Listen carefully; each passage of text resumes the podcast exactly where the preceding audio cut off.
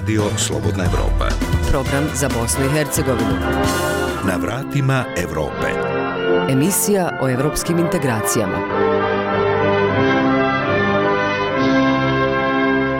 Ja sam Dženana Halimović i želim vam dobar dan iz Sarajevskog studija. Zbog poštrenih mjera u borbi protiv koronavirusa u narednih pola sata podsjećamo na neke od priča koje smo objavili ranije – Prije toga slijede upute o preventivnim mjerama, kao i preporuke Svjetske zdravstvene organizacije. Pet stvari koje treba da znate o koronavirusu i maskama. Svetska zdravstvena organizacija navodi da maske nude određeni nivo zaštite, ali ne i potpunu zaštitu. Blokiraju kapljice, glavni izvor zaraze, ali manje virusne čestice mogu proći kroz njih. Virusi također mogu ući u telo usled dodirivanja očiju. Svetska zdravstvena organizacija preporučuje nošenje maske ukoliko ste bolesni. Pomaže u zaštiti drugih ukoliko kijate ili kašljete. Svetska zdravstvena organizacija kaže da masku treba nositi samo ako se brinete o bolesnoj osobi. Ali ne dirajte prednju stranu maske rukama i masku bacite pažljivo. Ukoliko je dirate, operite ruke gelom na bazi alkohola ili sapunom i vodom. Svetska zdravstvena organizacija kaže da zamenite masku čim postane vlažna. Nemojte ponovo koristiti maske za jednokratnu upotrebu. Maska sa respiratorom je mnogo bolja od obične maske. Ključna stvar je postići pravilno prijanjanje maske na lice. Slijedi izbor priča koje smo pripremili za vas. Međunarodni monetarni fond smanjio projekcije rasta za Bosnu i Hercegovinu, potvrdio rezidentni predstavnik Andrew Jewell. Još uvijek nismo završili naše projekcije, ali mislim da se može reći da ćemo reducirati ono što smo prvobitno imali i to za nešto manje od 1%. Sniženja izgleda će biti. Bosansko-hercegovački privrednici suočeni s ozbiljnim gubicima uzrokovanim mjerama zbog pojave pandemije koronavirusom. Čak su neka tržišta potpuno zatvorena i jednostavno mi se dovijamo. Naše procjene, ono što je direktno otkazano, negdje preko 500.000 maraka, što je otkazano naručbi e, od početka godine do danas. Vraćamo se najavljenim sadržajima. Eurozona. Eurozona. Eurozona. Eurozona. Međunarodni monetarni fond dodatno će sniziti svoje projekcije rasta ekonomije Bosne i Hercegovine u 2020. godini, potvrdio je za Radio Slobodna Evropa Andrew Jewell, rezidentni predstavnik Međunarodnog monetarnog fonda u Bosni i Hercegovini. Do revizije je došlo nakon posljednjih potresa na globalnim financijskim tržištima i širom Evrope te u regiji, izazvanih padom cijena nafte te širenjem koronavirusa, a što će se, smatraju u MMF-u, odraziti i na Bosnu i Hercegovinu. Gospodine Jewel, s obzirom na stanje kada su u pitanju potresi na globalnom finansijskom tržištu izazvani između ostalog i pojavom koronavirusa, hoće li se sve to odraziti na prognozu rasta za ovu godinu? Uh, well, we are actually um, refining Trenutno revidiramo naše projekcije za Bosnu i Hercegovinu i ovog puta ćemo sniziti izglede za 2020. godinu. Još uvijek nismo završili naše projekcije, ali mislim da se može reći da ćemo reducirati ono što smo prvobitno imali i to za nešto manje od 1%. Sniženja izgleda će biti, kazao je Joel za Radio Slobodna Evropa. Nakon sastanka predsjedavajućeg vijeća ministara Bosne i Hercegovine Zorana Tegeltije te njegovog zamjenika i ministra financija Vjekoslava Belande s vama, odnosno šefom misije Međunarodnog monetarnog fonda za Bosnu i Hercegovinu Martinom Petrijem, u saopćenjima je spomenut novi program i aranžman između Bosne i Hercegovine i MMF-a. Možete li nam pojasniti je li riječ o novom aranžmanu ili nastavku posljednjeg IFF proširenog aranžmana između Bosne i Hercegovine i MMF-a? Sporazum iz 2016. godine još uvijek nije istekao i on traje do septembra ove godine. U ovom trenutku je veoma neizgledno da ćemo pokušati ponovno pokrenuti postojeći program. Najvjerovatnije ćemo pustiti da on istekne i ako se ispune svi uvjeti, mi ćemo pregovarati o novom programu. Jesu li bosansko-hercegovačke vlasti, odnosno Federacija Bosne i Hercegovine i Republika Srpska kao krajnji korisnici sredstava izrazile namjeru za sklapanje novog aranžmana s MMF-om? Oni su nama kazali da jesu. Čuli smo to od vlasti u Republici Srpskoj, čuli smo to od vijeća ministara Bosne i Hercegovine, čuli smo to od vlasti i u Federaciji. Svi oni su nam rekli da bi željeli novi program. Nitko od njih nije izrazio zanimanje za ponovno pokretanje postojećeg programa koji traje već skoro tri godine. Svi oni su kazali da su se okolnosti promijenile, da su se promijenili prioriteti i da bi željeli pregovarati o novom programu.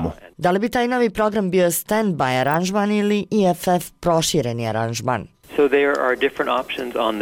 Različite mogućnosti su na stolu i sve dijelom ovisi o tome što vlasti u Bosni i Hercegovini žele. Nismo ulazili u detalje, samo smo im predstavili mogućnosti, uključujući i aranžmane koji ne uključuju financiranje. To će sve odrediti ako i kad počnemo pregovore. Prerano je sad govoriti kakav bi taj program bio. On dijelom ovisi onome što oni žele. Koji bi bili preduvjeti za sklapanje eventualnog novog aranžmana Bosne i Hercegovine s MMF-om? Uh, ono što smo vlastima Bosne i Hercegovine kazali je da smo spremni početi pregovore sa vladama koji mogu provesti reforme. Kao što znate, imamo novu vladu Republike Srpske već neko vrijeme, što je dobro. Od kraja prošle godine imamo i novo formirano vijeće ministara BiH i to je veoma pozitivan korak. Čekamo formiranje nove vlade federacije postali smo malo fleksibilniji. Umjesto čekanja da se formira nova vlada federacije, mi kažemo da ako nam trenutačna tehnička federalna vlada može pokazati da može provesti reforme, onda bismo bili spremni ići u pregovore i s tehničkom vladom. Što znači pokazati da može provesti reforme? Federalna vlada pokušava donijeti zakone koji se tiču poreza na osobni dohodak te o socijalnoj pomoći. Rekli smo im, ako možete donijeti te zakone, a pokušali su ih donijeti u decembru, ali nisu prošli glasanje u parlamentu federacije, pa će pokušati ponovno. Pa će pokušati ponovno, onda ćemo pristati na pregovore o novom aranžmanu.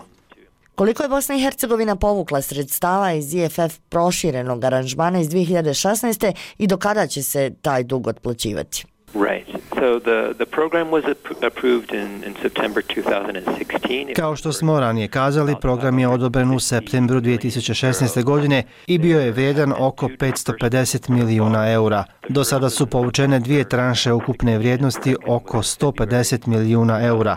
Što se tiče otplate tog iznosa od 150 milijuna eura, one su podijeljene u 12 jednakih rata. Otplaćuju se po dvije rate godišnje i otplata počinje 2021. godine. Bosna i Hercegovina ne otplaćuje još uvijek glavnicu, ali otplaćuje kamate i proviziju. Za Radio Slobodna Evropa govorio Andre Đul, rezidentni predstavnik Međunarodnog monetarnog fonda u Bosni i Hercegovini. Evropski standardi za evropsko tržište. Privrednici iz Bosne i Hercegovine traže hitnu pomoć od vlada na svim nivoima kako bi se sanirale ogromne ekonomske posljedice od koronavirusa. Osim niza mjera traži se i uvođenje vanrednog stanja u Bosni i Hercegovini. Zbog složene strukture Bosne i Hercegovine pitanjima pomoći privredi trenutno se više bave entitetske vlade nego vijeće ministara Bosne i Hercegovine, koje još uvijek nije donijelo mjere zaštite domaćih privrednika priča Erdoana Katane. Zbog pandemije koronavirusa velike štete trpe i privrednici u Bosni i Hercegovini. Fabrika Pobjeda iz Tešnja, koja zapošljava 280 radnika i ima skoro 7 decenija dugu tradiciju u proizvodnji pumpi i prečistača za autoindustriju, već osjeća posljedice poremećaja na svjetskom tržištu zbog koronavirusa. Kasim Kotorić, savjetnik direktora Pobjede i predsjednik Udruženja metalne i elektroindustrije pri Privrednoj komori Federacije Bosne i Hercegovine čak su neka tržišta potpuno zatvorena i jednostavno mi se dovijamo. Naše procjene, ono što je direktno otkazano, negdje preko 500.000 maraka, što je otkazano naručbi e, od početka godine do danas. Dešava se da se čak neke države, odnosno neke firme i povećaju naružbu, tako da je to teško procjenjivo pa reći evo ga gubitak je toliki šta je direktni šta je indirektni gubitak ali da ima problema ima I predsjednik Zanadsko-preduzetničke komore Republike Srpske Vlado Šešić kaže da je teško procijeniti kolike su ukupne štete za poslovnu zajednicu. Smatra da kada sve prođe će biti mjerene stotinama miliona maraka. Pa znate li koja će to biti šteta za privrednike? Pa nas ne može oporaviti da nas je pola, pomro ne može nas to oporaviti. Treba uvesti, uvesti mjere, ja sam protiv skupa, druženja i to, ali se rad mora, ljudi, rad se mora. Samo sa Italijom, koja je drugi spojno-trgovinski partner Bosne i Hercegovine, obim vanjsko-trgovinske razmjene u prva dva mjeseca ove godine bio je manji za 54 miliona konvertibilnih maraka. Na tržište Italije prema podacima Uprave za indirektno oporezivanje BiH u prva dva mjeseca ove godine izvezeno je robe u ukupnoj vrijednosti od 173 miliona maraka, što je 18% manje u odnosu na isti period prethodne godine. Istovremeno, uvoz iz Italije iznosio je 228 miliona maraka i bio je manji za 6%. Na osnovu analiza u okviru kojih je anketirano 250 preduzeća u Bosni i Hercegovini, najveće probleme trenutno osjećaju turizam, saobraćaj i ugostiteljstvo, kao i neke proizvodne grane. Izjavio je 16. marta nakon sastanka sa predstavnicima poslovne zajednice u Bosni i Hercegovini ministar vanjske trgovine i ekonomskih odnosa Staša Košarac. Poslovna zajednica u Bosni i Hercegovini za prevaziloženje problema koji će, kažu, ugroziti ne samo njih, nego i radnike, traže pomoć svih institucija u zemlji. Ističu da neće sami moći izaći iz novonastale situacije jer obaveze stižu na naplatu, a pitanje je kako će ih izmiriti.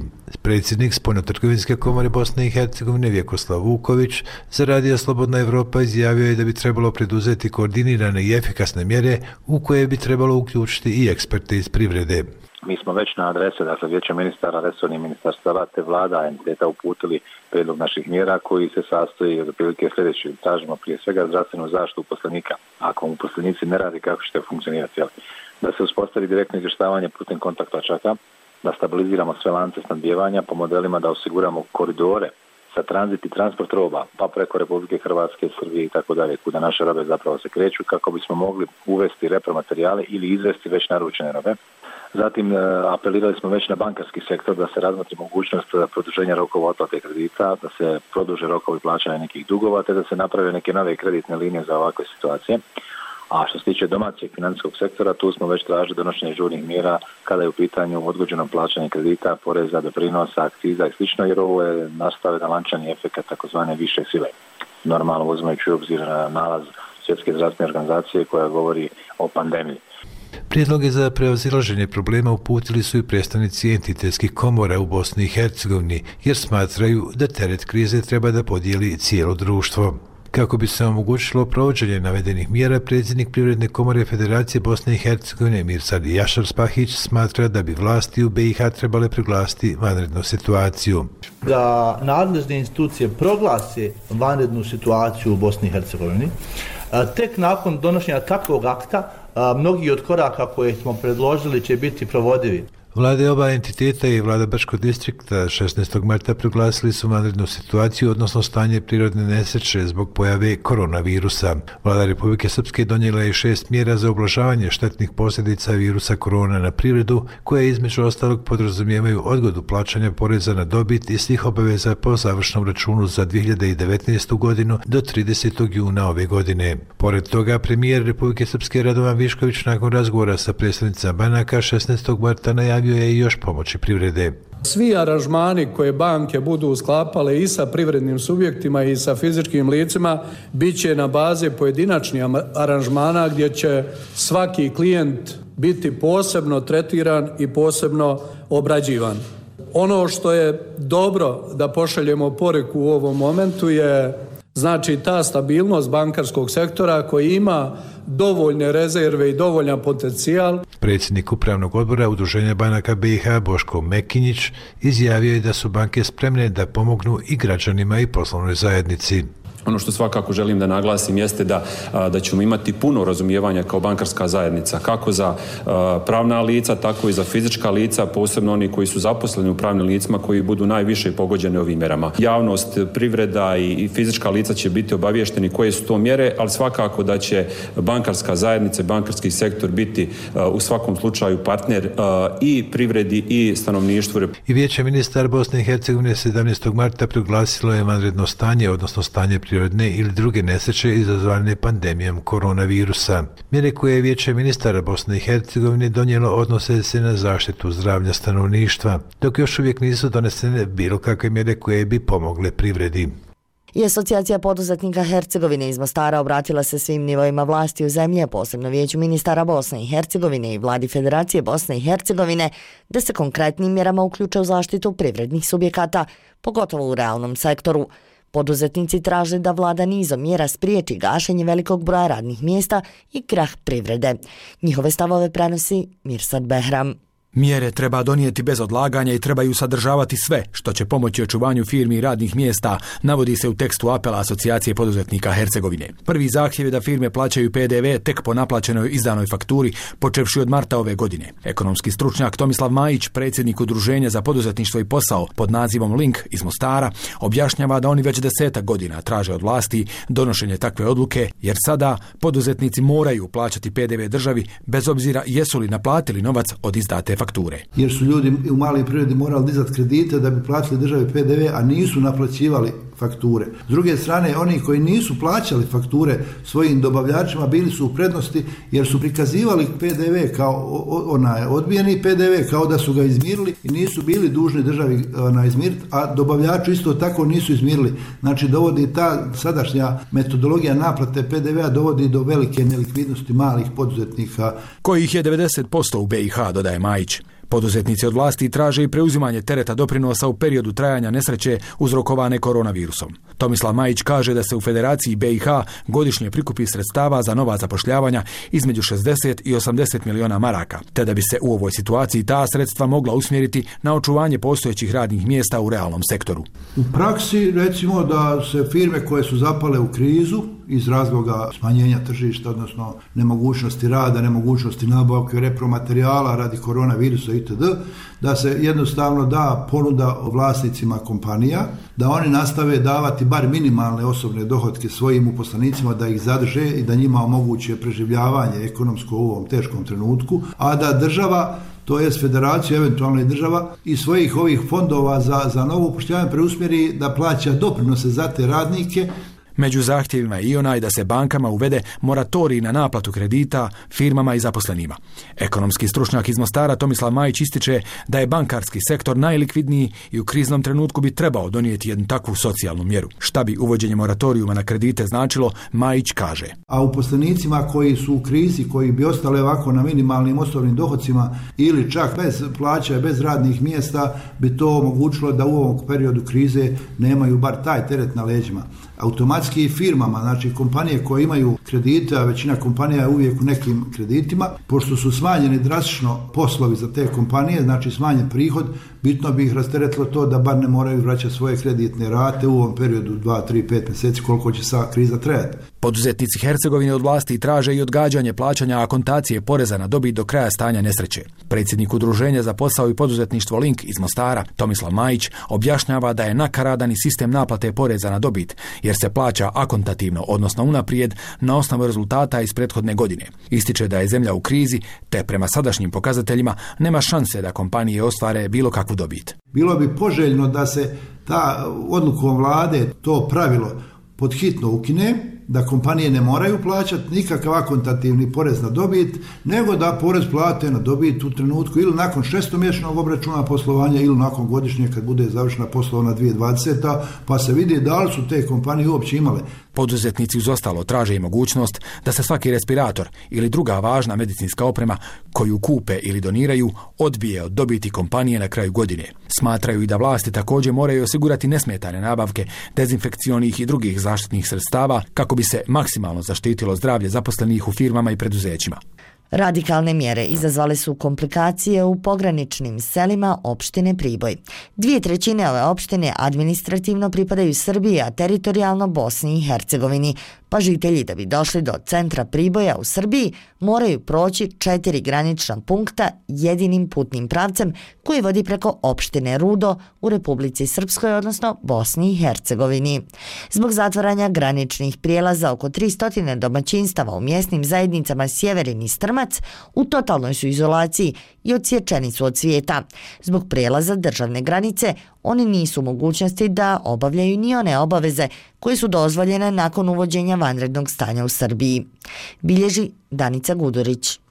U suštini dve trećine opštine je preko granice, ali ove dve mesne zajednice su u totalnoj izolaciji. Mi prelazimo preko graničnog prelaza Uvac, tako da ne može da prođe roba do tih mesnih zajednica.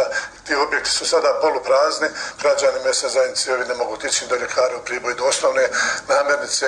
Apelujem na Republiku, na državu, na ljude koji mogu iz Beograda da pomognu da su ove dve mesne zajednice u Srbiji totalnoj izolaciji. Pojašnjava Vujadin Radovi, sekretar mesne zajednice Sjeverin. On On kaže da su meštani ovih sela odgovorni da se pridržavaju svih mera koje je naložila vlada Srbije kako bi se sprečilo širenje koronavirusa, ali da se osjećaju kao u zatvoru jer niti im iko može doći, niti oni mogu gde otići. Ako pređu granicu, moraju 14 dana u samoizolaciju. Ljudi su svesni, ljudi podržavaju, stvarno što tiče toga i pozdravljaju mere, jer sami psihički, oni već otmene kad su u nekom kao zatvoru, teže im pada, zamjesto hitna kola ne mogu da dođu do ove mjesne zajednice. Prodavnice u Sjeverinu i Strmcu su poluprazne. Nestalo je osnovnih životnih namirnica. Meštani koji rade u Priboju od zatvaranja granice ne dolaze na posao. Predsjednik opštine Priboj Lazar Rvović posjeća da je jedino rešenje put preko teritorije Srbije, tako da je izdat nalog za saniranje lokalnog puta koji vodi do ovih domaćinstava. Mi smo iz svoje nadležnosti uradili ono što je do nas. Mi smo naložili i radit će se putni e, pravac e, Sjeverin, Živince, Batković i Valovlje. On će se sanirati i dovesti u tako stanje da može da se obavlja putni saobraćaj. Međutim, to je ono što je do nas i to nije neko trajno niti niti najbolje moguće rešenje. Ovo je samo privremeno rešenje, kaže Rrović i dodaje da su se obratili Republičkom štabu za vanredne situacije radi dobijanja instrukcija kako da se dalje rešava ovaj problem. Emisija o evropskim integracijama. Na vratima Evrope. Ujedinjeni sa Evropom. Proizvođači povrća na području općina Donji Žabar, Pelagićevo i Šamac, zahvaljujući IPA projektu, dobili su 23 plastenika s pratećom opremom ukupne vrijednosti 88.000 maraka. Slušamo Zorana Matkića. Povrtlar Ljubiša Peć iz općine Šamac dugogodišnji je proizvođač povrća. Uz postojeća tri plastenika ovaj četvrti će mu i tekako dobro doći za proširenje proizvodnje. Kaže da mu je ovaj IPA projekat i tekako pomogao. Da smo nabavili sam, pa bar jedno oko 4000 nas izašao otprilike ova kvadratura, 150 kvadrata. Pa ovako nas izašao oko 1600 maraka uz normalno subvencije opštine i ministarstva. Plastenike površine 100, 150 i 200 četvornih metara dobilo je 15 povrtlara iz općine Šamac, 7 iz Pelagićeva i jedan povrtlar iz općine Donji Žabar. Slađana Tojrac, stručna suradnica za koordinaciju poljoprivrednih projekata Republike Srpske. To su prvenstveno ovaj paketi koji su namjenjeni za proizvodnju na vlastitim imanjima naših poljoprivrednih proizvođača. Uh, učešće znači IFAD projekta je 40% od vrijednosti ukupnog proizvodnog paketa. 10% uh, žene kao nosioci proizvodnje također imaju putem IFAD projekta odobreno i imamo uh, učešće lokalne zajednice u ovom slučaju znači i opštine Šamac i Pelagićevo i Donji Žabar sa 10%. Znači da su naši korisnici u ovom projektu projektu učestvovali sa nešto manje od 40%. Ranije započeta podrška povrtlarima od strane Ministarstva poljoprivrede i jedinica za koordinaciju poljoprivrednih projekata Republike Srpske biće nastavljena kroz IPA projekte i u narednom periodu, dodaje Tovirac proizvođače koji već duži niz godina rade i za jedno tako reći slobodno tržište e, pokušavamo integrisati znači kroz lance vrijednosti, odnosno e, jačanjem kapaciteta ovih poljoprivrednih proizvođača upravo kroz ove proizvodne pakete, prvenstveno prvo kao kroz isporuku repromaterijala, zatim plastenika, znači uvezujemo kroz jedan sistem praćenja od strane Ministarstva poljoprivrede. Značaj IPA projekata za razvoj proizvodnje i povrća u Šamačkoj općini prepoznale su i lokalne vlasti. Predrag Nedić, predstojnik odjela za poljoprivredu općine Šamac. Opština Šamac je uvijek podržavala ovakve projekte i uvijek će podržavati s obzirom da se ovo odnosi na plasteničku proizvodnju, a plastenička proizvodnja sve više dobija na značaju kod nas na području opštine Šamac. Muni Bavdagić iz Dugog polja kod Srebrenice ima 70 godina i već dvije decenije se bavi malinarstvom. Tokom sezone branja maline angažuje 15 radnika, ali kako kaže, ove godine bit će problem za radnu snagu jer je većina njegovih komšija ocelila u druge zemlje. Sam ne može obraditi veliko imanje, pa razmišlja o smanjenju obima svog biznisa. Sadik Salimović Sezona rada na plantažama maline je počela. Munib Avdagić iz okoline Srebrenice iskoristio je lijepo vrijeme i već mjesec dana obrađuje svoj malinjak. Ali svaka sezona u ovom biznisu je neizvjesna, kaže Munib. Evo ja 18 godina kako se bavim proizvodnjom malina, ja nikad ne znam u startu, na početku sezone, kolika će otkupna cijena biti malini. Uvijek kad se brva završi, nakon 10-15 dana, onda odrede cijenu, koliko hoće, toliko nam i daju i to je tako. Pa sve je rizično. Sve je rizično, rizično je i zbog cijene, rizično je i zbog vremenskih uslova, rizično je vremenskih nepogoda, sve je rizično. Sezona branja maline traje oko mjesec i po, ali na plantaži ima posla tokom cijele godine. Ko hoće da radi ima posla, zato ako ćeš kravu dobro da pomuzeš, moraš dobro da je nahraniš. Što znači ako malini da sve što joj treba i rezultati su vidljivi u svakom slučaju. Prošla godina je bila malo kritična pa što su bili veliki minus. A ova godina, evo sad je krenulo je, krenulo je dobro, nije bilo nekih minusa velikih, pupoljak je dobar. Munib tokom sezone angažuje sezonske radnike, ali ove godine će biti veoma teško za radnu snagu. Angažujem po 15 radnika u sezoni za branje malina. Plaćam im berbu po kilogramu 70 feniga, topli obrok i prevoz i osvježenje. Ove će godine biti problem, radna snaga. Ja već osjećam, pošto tražio sam da plijevaju, tražio sam da kopaju, ne možeš naći fizičkog radnika, odnosno sezonskog radnika, za lijeka ga ne možeš naći. Munib uzgaja malinu na površini od 5 dunuma, ali ako ne mogne obezvijediti sezonske radnike, razmišlja o smanjenju obima posla, pa čak i o ukidanju ovog biznisa. Udruženje Fojničani Maglej u Volonterskom centru za socijalnu inkluziju počinje s realizacijom mirovnog projekta za žene s područja Magleja i Žepča. Riječ je o treninzima šivenja u okviru projekta Žene mira, misija mira. Zabilježila Arminka Bemišević. Ovaj centar ima za cilj objedinjavanje lokalnih kapaciteta i aktivnosti u svrhu napređenja socijalne inkluzije svih ugroženih i marginaliziranih skupina s fokusom na ruralno i povratničko područje, te promociju inkluzivne kulture i volontarizma u općinama Maglaj, Žepče i Zavidovići. Predsjednik Goran Antunović. Pa prije svega djelujemo lokalno, da, da nešto poboljšamo život svih nas koji su tu. Tu ne, ne mislim samo u našoj sredini, nego cijela općina. Ta je ideja negdje zaživila davno prije i sad smo je uspjeli realizirati. Davor Šupuković, sekretar udruženja. I kao kruna našeg petogodišnjeg rada je upravo ovaj centar za socijalnu inkluziju. Jedno smo najaktivnije udruženja na području Zemčkog dobrovskog kantona. Uh -huh. Nositelj smo certifikata izvrsnosti Američke ambasade za razvoj e, multikulturalnog, demokratskog, e, inkluzivnog društva Bosne i Hercegovine. Moderno opremljen volonterski centar za socijalnu inkluziju u Fojnici uključuje široku lepezu usluga, socijalizaciju, edukaciju, mjesto za druženje. Tako su neposredno nakon otvaranja pokrenuli i održali niz radionica za djecu i umirovljenike, a ove godine počinju i s radionicama za žene, budući da su zato naminu osigurali finansijska sredstva kroz projekt Žene mira. Zanimljiv projekt koji će obuhvatiti 20 žena iz tri različite konfesije. Evo zašto mirovni projekt. Davor Šupuković. Dakle, u projektu će biti 20 žena različite nacionalnosti koji će se najprije upoznati. Dakle, koji će se najprije upoznati sa svojim osobnim tragedijama. Nakon toga, e, te žene će proći jedan tečaj šivanja na mašinama.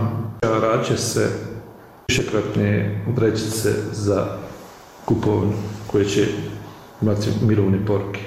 Vrećice će se donirati vjernicima po uh, crkvama i džamijama.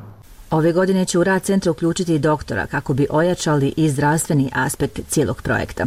Dobru namjeru je prepoznala i glazbena škola Katarina Koseček-Otromanić-Žepče, koja u saradnji sa Udruženjem građana Fojničani već realizira muzičke radionice za djecu. Volonterski centar u Fonici kod Maglaja postao je primjer dobre prakse i odgovornosti prema najranjivijim i najosjetljivijim skupinama društva, posebno povratnicima. Već se pojavljuju slične inicijative i u drugim mjestima u Bosni i Hercegovini. Slušate program radija Slobodna Evropa. Imamo zajedničku viziju. Slijedimo svoju misiju. Profesionalno, informativno, zanimljivo. Radio Slobodna Evropa. Bilo bi to sve u ovom izdanju emisije na vratima Evrope. Lijep pozdrav iz studija u Sarajevu.